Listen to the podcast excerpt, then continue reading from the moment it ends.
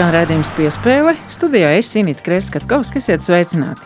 Šajā pusstundā dzirdēsim ilgadējo Latvijas rallija krosa braucēju Rēni Nitišu par izlases gatavību trešdien startēt pasaules čempionāta kvalifikācijas turnīrā Florbolā. Stāstīs viens no komandas treneriem Ingūns Laiviņš, bet pasaules kausa atmosfēru kamaniņu sportā iesildīsim kopā ar nāciju kausa uzvarētāju Ulu Zirni Olimpisko spēļu laureātu, tagad mehāniķu un treneru Mārtiņu Rubeni, Artūru Dārznieku un federācijas prezidentu Ati Strengu.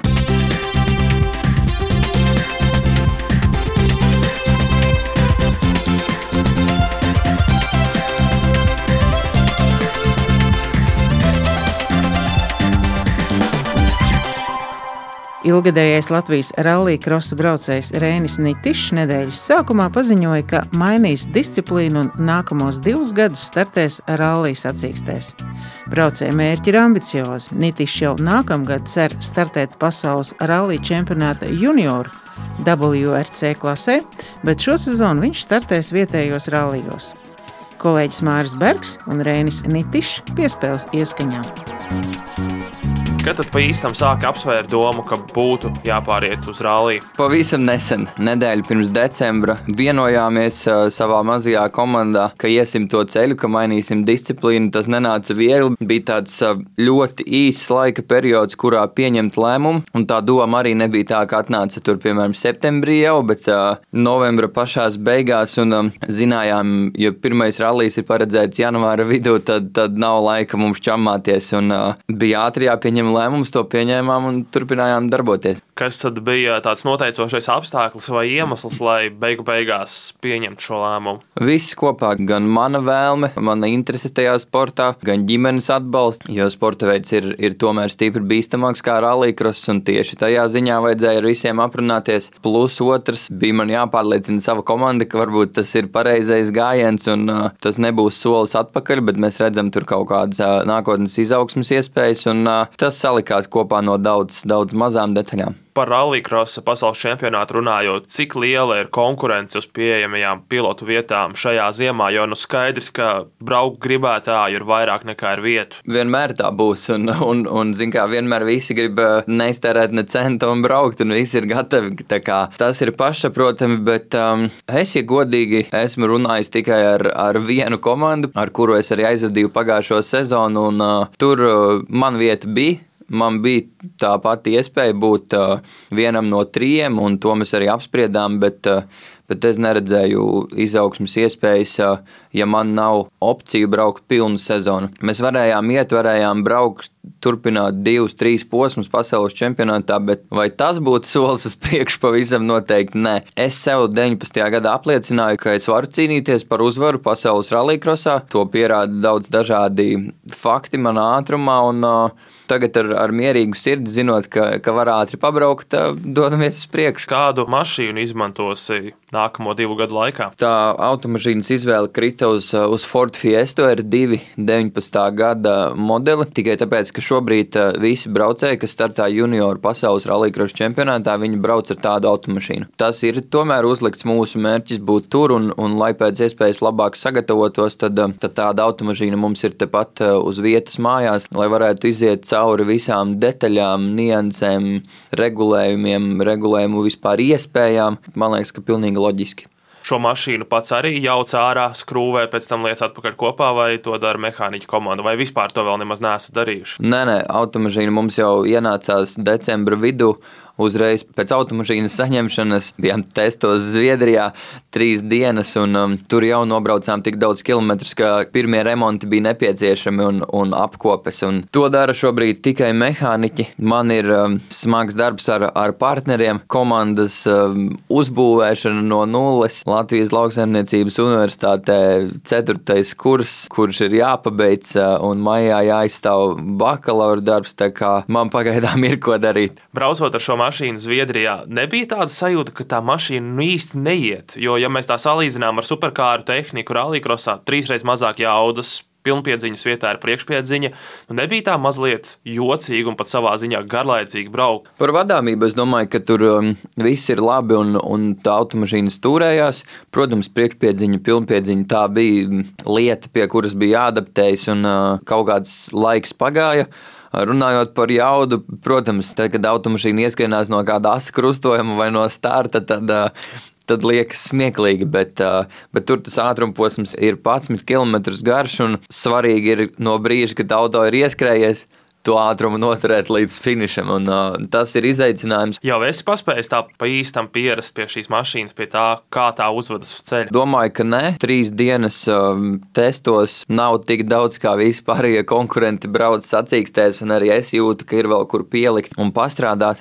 Ja salīdzinu pirmo treniņu dienu ar, ar beidzamo, tad tā izaugsme bija milzīga. Mm, bet kamēr mēs tuvojamies tikai ātrākajam vai maksimālajam iespējamajam ātrumam, tad tie soļi būs lieli. Tad, kad mēs būsim jau pussekundes robežās uz kilometru, tad, tad, tad darbs sāksies smagāk. Nu, redzam, kādi mums laikapstākļi šobrīd ir te Latvijā. Viens rallijs ir pārcelts, jāmeklē, mums ir iespējas braukt kaut kur uz ārzemēm arī tur neiet viss tik spoži, kā gribētos. Gan Zviedrijā ir rallija pārcelti, gan Somijā uz jautājumu zīmes, bet uh, nekas nostabilizēsies un uh, kaut kur laidīsim. Kāds varētu būt tas optimālais rallija skaits sezonā, ko tu gribētu nobraukt un kas arī būtu finansiāli paceļams? Desmit bija jau starta plānā. Šobrīd izskatās, ka varbūt būs vairāk. Tajā brīdī es biju labākais pasaulē. Visas pirmās vietas ir līdzvērtīgas zeltam. Spēlētājiem gadās slikts, labs spēles sērijas, bet ir jāceļās, jāmāk piecelties un parādīt savu sniegumu. Latvijas kamaniņu sportisti šosezon jau izcīnījuši bronzu Eiropas čempionāta komandu stafetē. Latvijas jaunie sportisti Kaspars Rīgs un Ardis Liepiņš Sanktmoricā jaunatnes Ziemas Olimpiskajās spēlēs izcīnīja sudrabu divvietīgo ekipāžu konkurencē bet šajā nedēļas nogalē Siguldā notiek pasaules kausa izcīņa. Renes sporta pārstāvja jau skatās 2022. gada Ziemas Olimpisko spēļu virzienā, kas notiks Ķīnas galvaspilsētā Pekinā. Šīs valsts kultūras centra Latvijas Republikā vecākais padomnieks Jānis Songs uzsvēra, ka Ķīnas jaunais gads ir pavasara svētki, kas vieno ģimenes līdzīgi kā to dara sports. Par to, kādēļ bobslēga un kamana trasē var dzirdēt Ķīnas simfonisko ansamblu un vērot Ķīnas jaunā gada talismana lauvas deju ar bungām, arī par to piespēles turpinājumā. Vispirms pie mikrofona aicināja Artūru Dārznieku un nācija kausa uzvarētāju Ulu Zirni. Kādas ir sajūtas braukt uh, savā trasē un, un, un varbūt arī nedaudz pakomentēt, kā pašam kāds apmierināts? Nu, sāksim ar to, ka laikapstākļi zemē ir vispār neierasti. Plus 8 grādi 24. janvārī, ņemot vērā, ka Latvijā ir labas ziemas. Sacensības kā mājās, kā vienmēr ir vispatīkamākās. Sava publika, tuvinieki, visi ir tepat trasē. Priekšrocības ir vienmēr. Kā visi zinām, kamņu sports un renes sports ir ledus sporti. Nu, noteikti var viss kaut kas, gan no labākajiem, gan no pašmāju. Kā, nu, galvenais ir koncentrēties un izdarīt savu darbu no labākās puses, un tad jau viss būs arī kārtībā. Kā vispār sezonu vērtē arī šīs sadarbības ar Tehnisko universitāti? Vai nu, ir jūtams, ka teiksim, tās tehniskās lietas tā iet mazliet pa priekšu un mēģināt paši tikt ar savām inovācijām līdzi? Šo jautājumu varētu vairāk uzdot eh, Mārtiņam Rubenim, jo viņš vairāk eh, zina un vairāk sadarbojas. Es tur pa lielam nesadarbojos, es neesmu bijis. Tā kā sīkumos es nemāku, nemācēšu neko komentēt. Bet, nu, protams, ir jaunas inovācijas un ir šādi tādi knifiņi, kas ir nu, teiksim, atkosti un vēl vis kaut kas.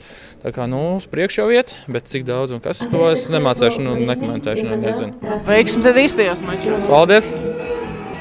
Ulu Zirne pie Latvijas rādio mikrofona atklājot dāmu trasi. Kādas pašai sajūtas ir šeit pirms lieliem svētkiem? Sveiciens visiem! Jā, sajūtas ir tiešām patīkams.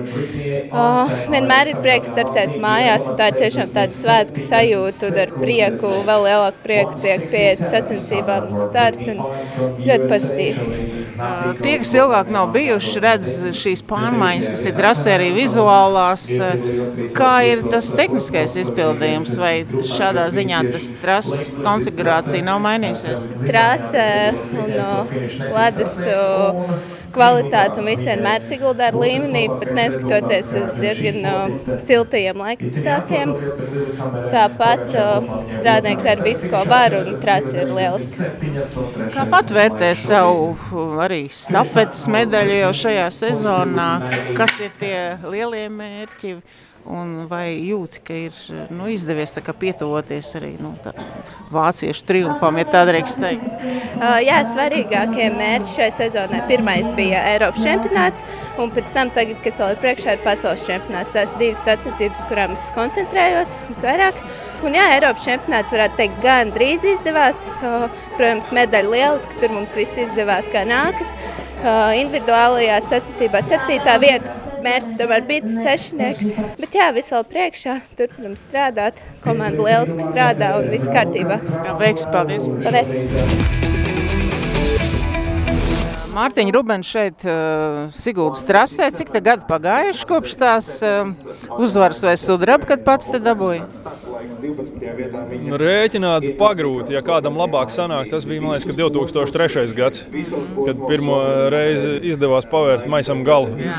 Prieks, ka mm, šajā gadā mēs runājām par to, ka eh, ne īsti treneris, ne īsti menedžeris, ne īsti kamanu meistars, bet viss vienā personā, cilvēks orķestris. Un ir jau laikam arī tas gandarījums, ka Eiropas čempioni jau ir medaļas eh, stafetei, eh, arī tā sadarbība ar Tehnisko universitāti vai ir tā sajūta, ka ir tas virziens un viss tā kā notiek?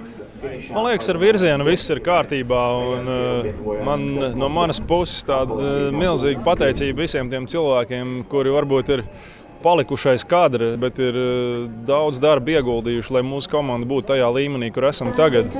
Varbūt, kad ja tā sezona kopumā skatījās, varbūt nav izdevies katrā sacensībās parādīt to maksimālo reālu, ko mēs esam spējīgi. Varbūt nav tā stabilitāte vēl braucienos. Bet uh, mēs visas sezonas gaitā šobrīd eksperimentējam, strādājam pie jaunajām kamerām.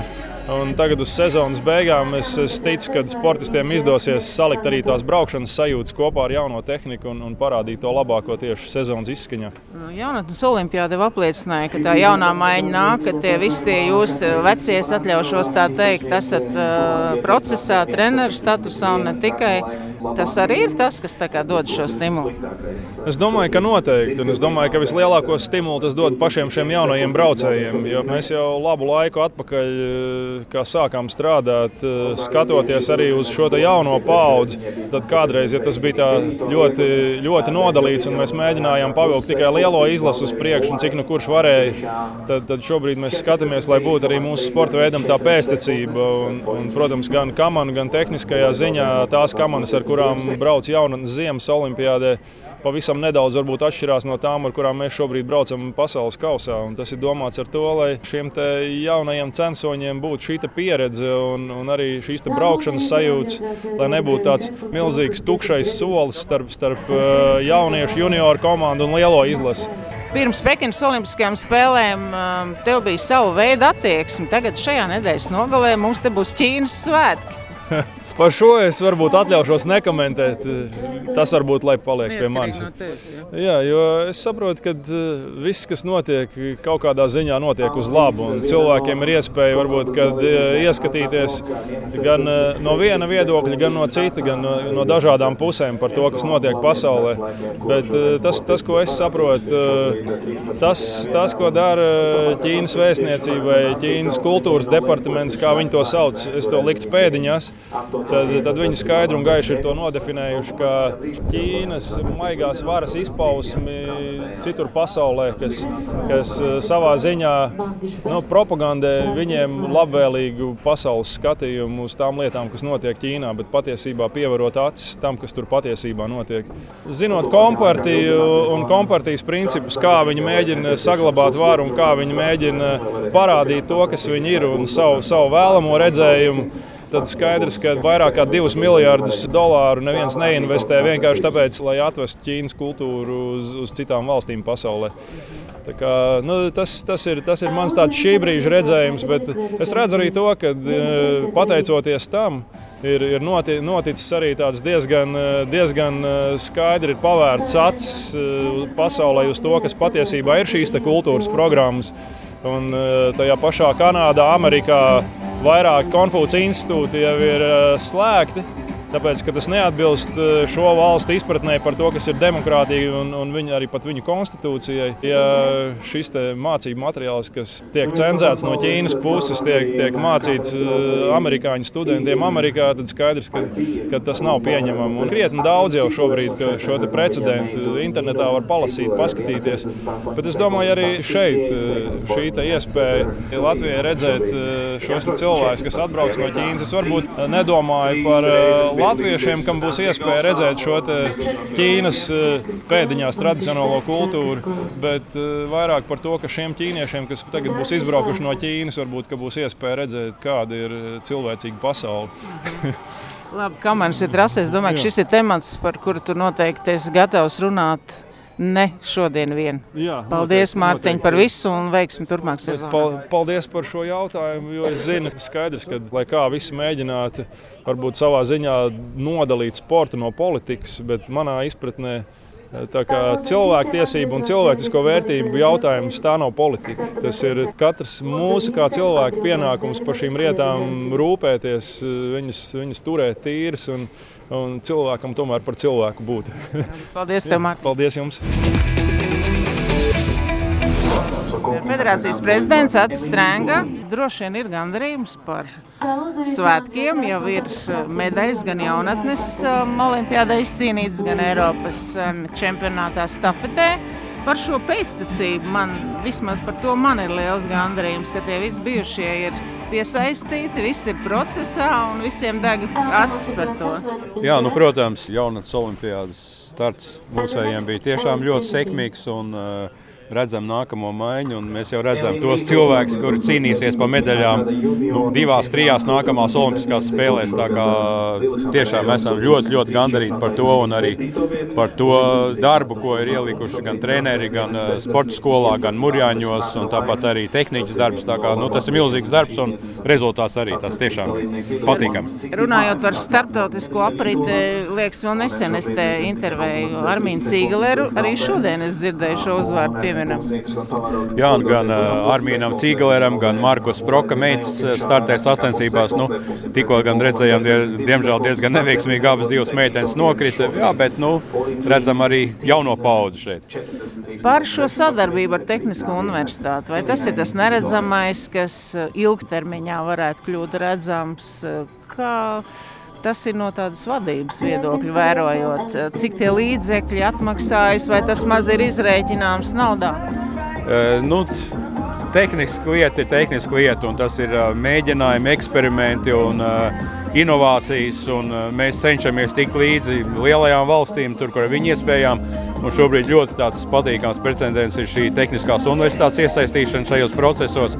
Nu, Mārtiņš kopā Rubens ar Tehnisko universitāti jau ir izplānojuši jau tālākos plānus un ceram arī, ka izglītības ministri iesaistīsies. Varbūt, un kaut kas mums varbūt arī ļoti labs iznāks. Runājot par atteikumu šeit rīkot Olimpiskās spēles, cik lielā mērā tas varbūt pat rosinās domāt lielākos apmēros tieši finansiāli, lai uzturētu šo trasi, vai tas tomēr ir liels mīnus Latvijai arī kamaniņniekiem? Nu, protams, ka tas ir mīnus, ka mums netika šīs olimpiskās spēles, jo e, es domāju, ka jau tiek plānos arī šīs trases tālākā renovācija un tālāka attīstība, jo bez tā nav nākotnes, protams.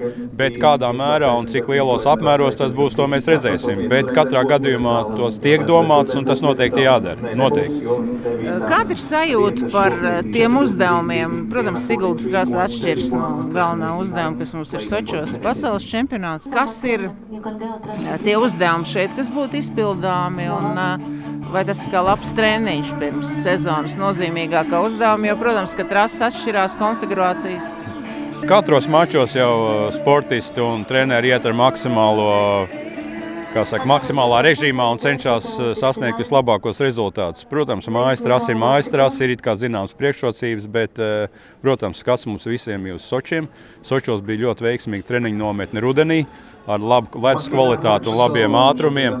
Nu, protams, arī tehnika tiek gatavota tāda, lai viņi būtu konkurētspējīgi Sočos, bet nu, neizmirstam, protams, arī savus mājas mačus un ceram arī šeit, un, lai būs labi rezultāti. Kā jūs izjūtat šo mm, dalībnieku vēlmi braukt uz Sigūdu? Nu, skeletonistiem iznāca tāda laikam diezgan liela vilšanās, jo šāda laika apstākļi, tas ir pirmkārt, otrkārt arī droši vien nu, neveiksmīgi saplānotie virzieni un posmi. Sigulda mums kamaniņās mači kā tādi ir praktiski viena no labākajiem pasaulē. Un iepriekšējā sezonā Siguldas mači tika atzīti kā labākie pasaules mērogā. Un, tāpēc arī sportistiem šeit patīk. Šeit patīk arī tāpēc, ka arī ledus trases kvalitāte ļoti labi ir. Un, nu, šeit nav liels problēmas. Jā. Varbūt no vienas puses jau tās rutīnas darbs, bet milzīgs darbs, ko veids mums eh, Kamaniņu federācijas meitenes, jā, un, eh, ko redzam, jā, tas, tas ir milzīgs darbs. Vai ir bijis daudz jāpierāda nu, gaiteņos, lai izdotos savus labākos noturēt eh, kamaniņu sportā ilgtermiņā, gan treneru statusā, gan arī nu, kaut vai tāda Ingrīda, kas varētu mierīgi sēdēt savā krēslā, burjāņa direktora statusā, viņa tomēr pati darbojās. Nu, Ingrīda kā piemērs varbūt ir tam, ka tomēr viena lieta ir šis administratīvais darbs, bet tā sirds lieta ir komandas jau, un, un, un tīri viņi darbojās komandas dēļ, dēļ tā, ka nu, tā ir viņa sirds lieta. Protams, katru gadu paliek tas grūtāk, vien grūtāk, un nav mums arī tik liels šis treneru resurss, cik vajadzētu. Ja mēs redzam, piemēram, itāļiem, austriešiem, krieviem, amerikāņiem, viņiem ir komanda apmēram gandrīz jau tuvu desmit cilvēkiem, tad mums komandā ir apmēram 4-5 cilvēki. Tas ir divreiz mazāk. Ja? Tas ir zināms trūkums trūkums arī. Jā, bet nu, visam tam vajadzīgi resursi, un, protams, mūsu treneri, eh, viņa kvalifikācija pietiekami augsta, un viņi arī, protams, ir pieprasīti pasaulē. Un, eh, jā, tas ir eh, jautājums diezgan sarežģīts un vien grūtāk un grūtāk. Tas. Visbeidzot, par svētkiem, par ķīniešu svētkiem nedēļas nogalē mēs jau ar Mārtiņu diskutējām par, par viņa, viņa tematu, ja tā drīkst teikt. Tas sakrīt ar ķīniešu Ziemassvētkiem, jauno gadu. Ja? Nu, tas pirmkārt jau tas, ka nākamās Olimpiskās spēles ir Ķīnā. Otrs ir sakrīt ķīniešu jaunais gads. Katru gadu kaut ko mēģinām šeit starplaikos skatītājiem kaut kādu jaunu programmu taisīt. Ja? Nu, šobrīd tā sakrīt, kad viss tas vieno, vienā laikā un arī iznāca sadarbība ar, ar Ķīnas kultūras centru. Nu, skatīsimies, ja? tā kā gaidām, protams, cilvēks ja? un, un, un cerams, ka būs interesanti. Savulaik te ir nācies intervēt vairākus prezidentus vai tādā līmenī arī amatpersonas ir iecerējušas apmeklēt. Vai droši vien akcents varētu būt uz februāru un bobu medaļām?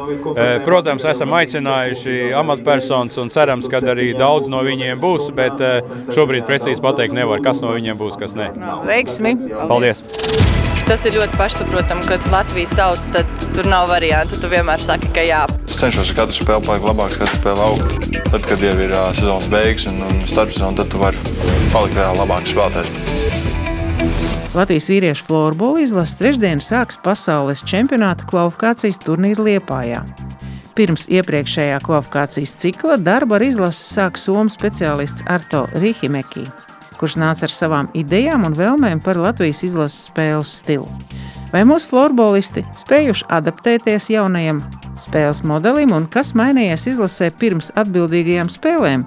Māris Bergs iztaujāja vienīgo pašmāju speciālistu izlases treneru korpusā Ingus Laiviņu. Pirms iepriekšējā kvalifikācijas turnīra treneris Arto Rīgmeki minēja, ka viņš vēlas ieviest spēles modeli, kur izlase vairāk pati spēlē ar bumbiņu, nevis to atdot pretiniekiem. Tavuprāt, šo spēles modeli ir izdevies ieviest sekmīgi. Uzstādījums bija tieši tāds, ka gribam spēlēt vairāk bumbu. Tas ir noteikti izdevies. Tā mūsu spēle ir kļuvusi vairāk, mēs mēģinām kontrolēt. Protams, ne varbūt pret pašām spēcīgākajām valstīm, bet viennozīmīgi, ka tas procents ir audzis bumbas kontrols un to momentu veidošanu un kad vēlamies mēs arī uzbrukt un veidot momentus, tas ir izdevies. Bet eh, nu, nevar noteikti komanda spēlēt sešus vai četrus gadus vienā modelī, ne, kaut kādas lietas neuzlabojot vai pamainot.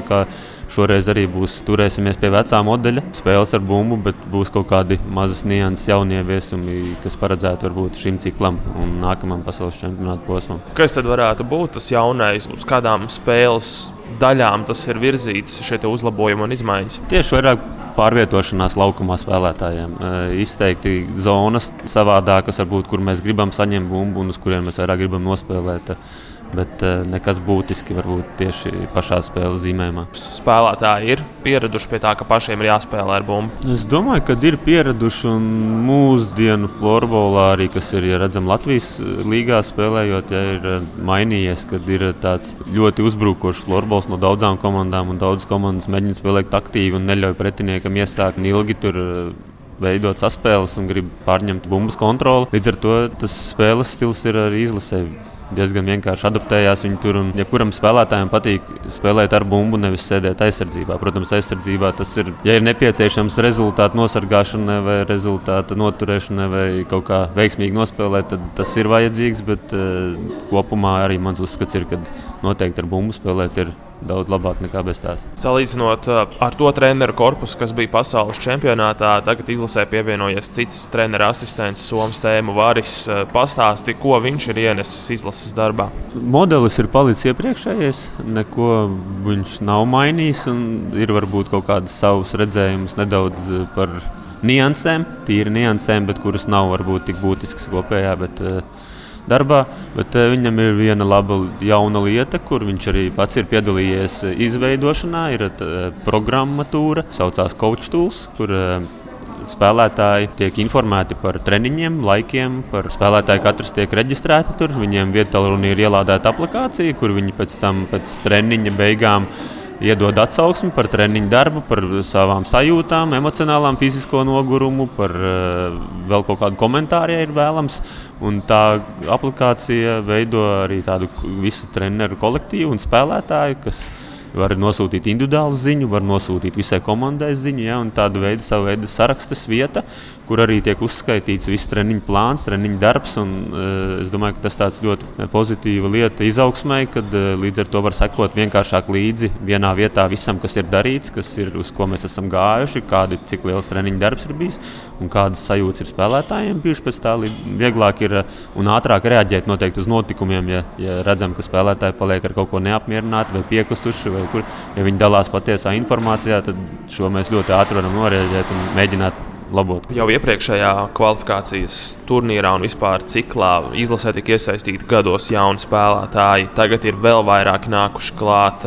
Tas ir apzināts gājiens, proti, atjaunināt izlases sastāvu, vai, šie, vai arī vienkārši šie jaunie puiši ir tik meistarīgi un fiziski gatavi jau spēlēt šajā līmenī, ka viņi izkonkurē tos vecos. Daļēji apzināti, daļēji arī ir meistarīgi nav tāda vienpersoniska lēmuma. Noteikti ir, ja spēlētāji ir tuvu līdzīgi eh, meistarības ziņā, tad noteikti priekšroku mēs dodam jaunākiem spēlētājiem. Tas ir gan tas mūsu uzstādījums.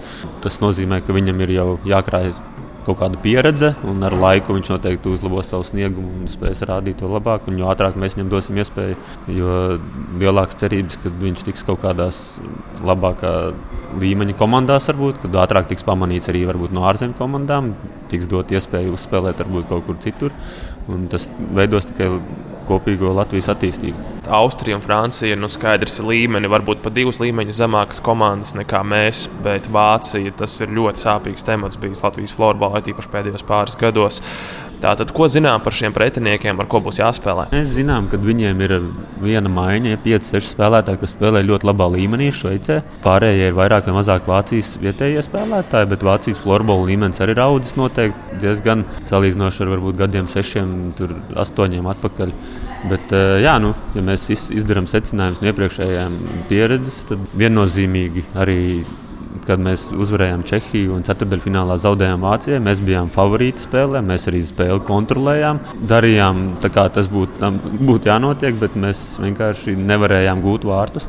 Vācieši ar vairākiem labiem pretuzbrukumiem realizēja savus momentus, un mums nācās kontrolēt bumbu, kontrolēt spēles notikumus, bet tā arī netikām līdz pozitīvam rezultātam. Un otrs zaudējums, kas notika pagājušajā čempionātā, ir ļoti līdzīgs. Kad varbūt tā pirmā maiņa, kurā ir vairāk salikti tie meistarīgie spēlētāji kopā, viņi ir konkurētspējīga mums un pat varbūt kaut kādā brīdī pat labāk epizodēs nospēlē arī par mums, bet pārējām maiņām mēs tomēr esam kaut kādu solīti priekšā. Bet, nu, Tas nenozīmē, ka mēs varam droši, droši domāt, ka apspēlēsim viņus. Tieši tāda pati pieredze, kad mēs sākotnēji varbūt bijām nedaudz pasīvāki, tādu taustījāmies, baidījāmies no pretinieka, jo respektējām viņu. Tad tā spēle aizgāja ļoti līdzīga. Beigās vieni, divi neveiksmīgi zaudēti vārti un nepietika laika atkal atspēlēšanās. Kaut gan momentu mums arī bija daudz, un kā spēles galotni kontrolējām. Vāciešiem pietika ar vienu precīzu metienu spēles galotnē un izšķīra rezultātu sev par labu.